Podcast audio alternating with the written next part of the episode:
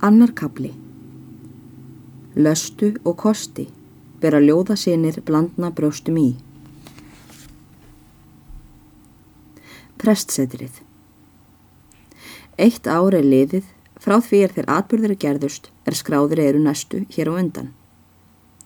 Við erum stattir á héræðinu söður af Breiðdal, fullar þrjár bæjarleiðir frá neðstabæ og stöndum á háum hól fyrir norðan bæin á hofi. Svartir keilumyndaðir og tröllauknir fjallatindar gnæfa við útnörður. Það eru súlur hinnar eistri.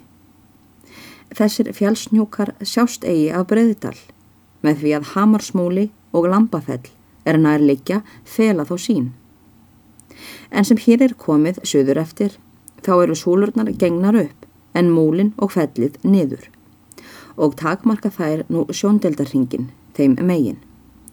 Á siðstu súlunni, þær eru þrjár talsins, eru haldin náttmál á hofi.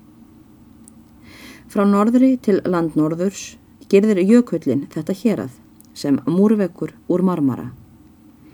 Hann er öllu herri og fyrirferðameiri hérðan að sjá en af breyðdal.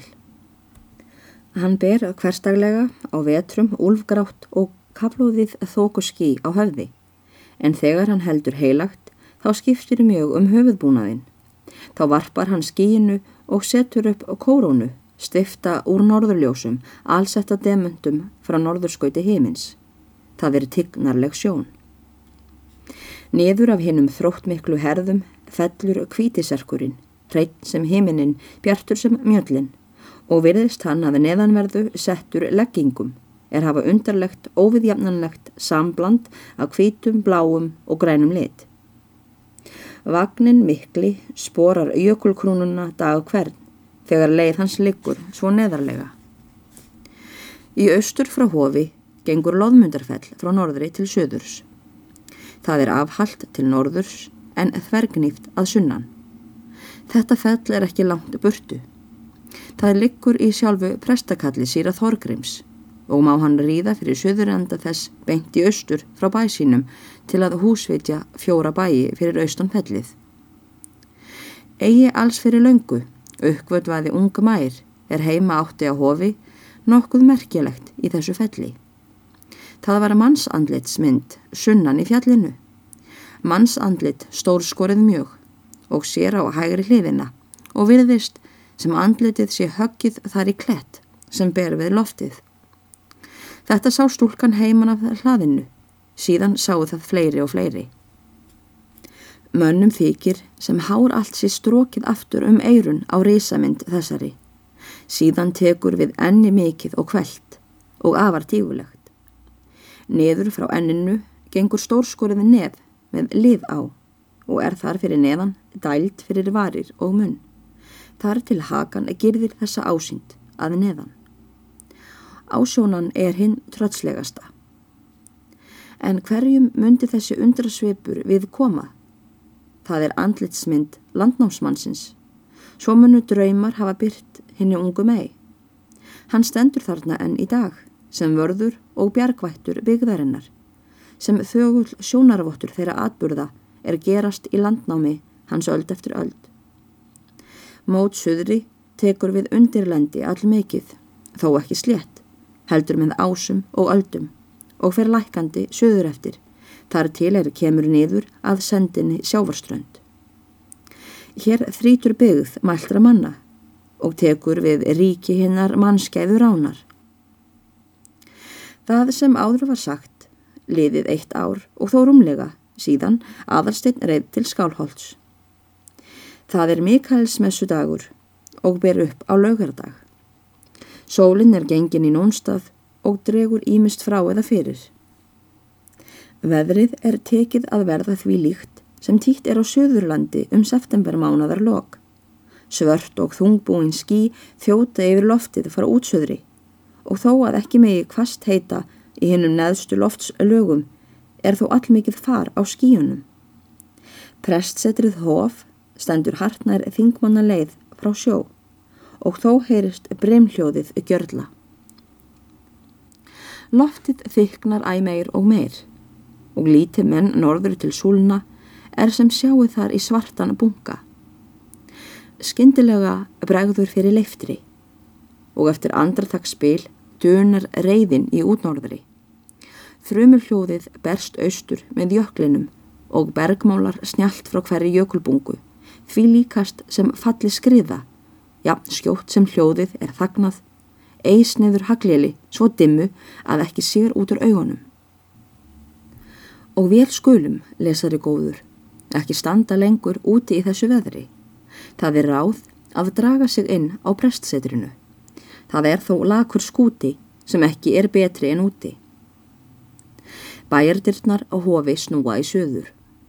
Þegar inn kemur úr bæjardirunum má opna ólasta hörð til hægri handar og koma menn þá inn í lítinn klefa, hæfilega stóran eða freglega það til að rúma tvo menn er sitja þar inni sinn hvorum megin við lítið borð er snýr öðrum endanum að glukkanum. Annar maðurinn er síra Þorgrímur Runnolfsson sá er biskupin hafi skrifaði til með þeim Gunnari á neðstabæ. Síra Þorgrímur hefur tvær kirkjur en þó kvoruga á bæsinum því að hann er þingaprestur. Önnur kirkjan er á ásum, hinn á mýrum. Hann er því sóknarprestur breyðdalinga. Síra Þorgrimur er maður 34 ára að aldri, en eftir útliti að dæma gæti hann reyndar verið eldri. Hár hans er dögt mjög, en svo fágætt sem það má þykja um svo ungan mann, þá er ekki trútt um að þegar bregði fyrir hærum á hefði hans. Andlitið er reglulega vaksið, mjög kvítleitt og virðist bera vott um þó nokkra reynslu. Hann er dökkbringdur og bláegur með skekk á vöngum, en yfirbræðið hefur þvílikan blæ sem gæti verið vottur um þunglindi. Síra Þorgrimur hefur bækur fyrir framann sig á borðinu. Hann heldur áfram samtali við mannin er á móti honum setur á þessa leið.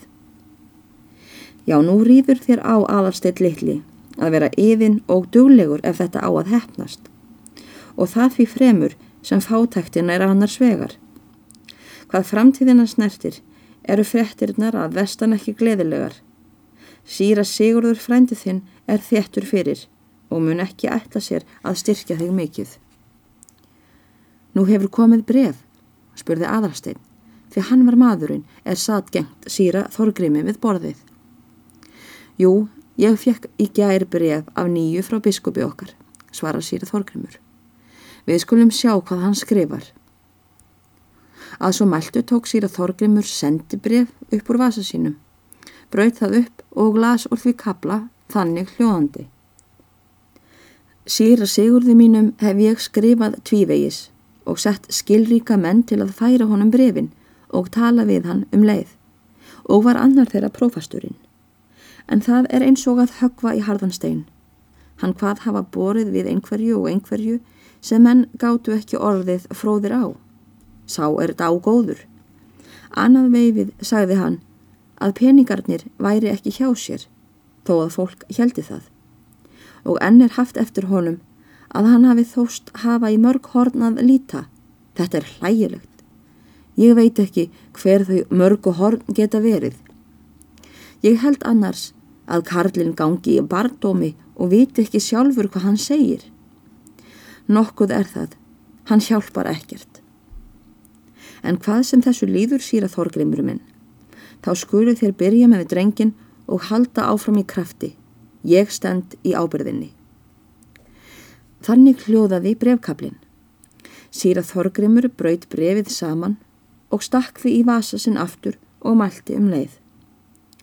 Þú heyri nú hvað biskupin ætlar og máttu þakka hamingju þinni fyrir en því meiri er nú kvötin fyrir þig að láta þér ganga vel, svo að biskupin geti séð að veglindi hans verði ekki árangur slöst eða komi niður á óvarðum stað.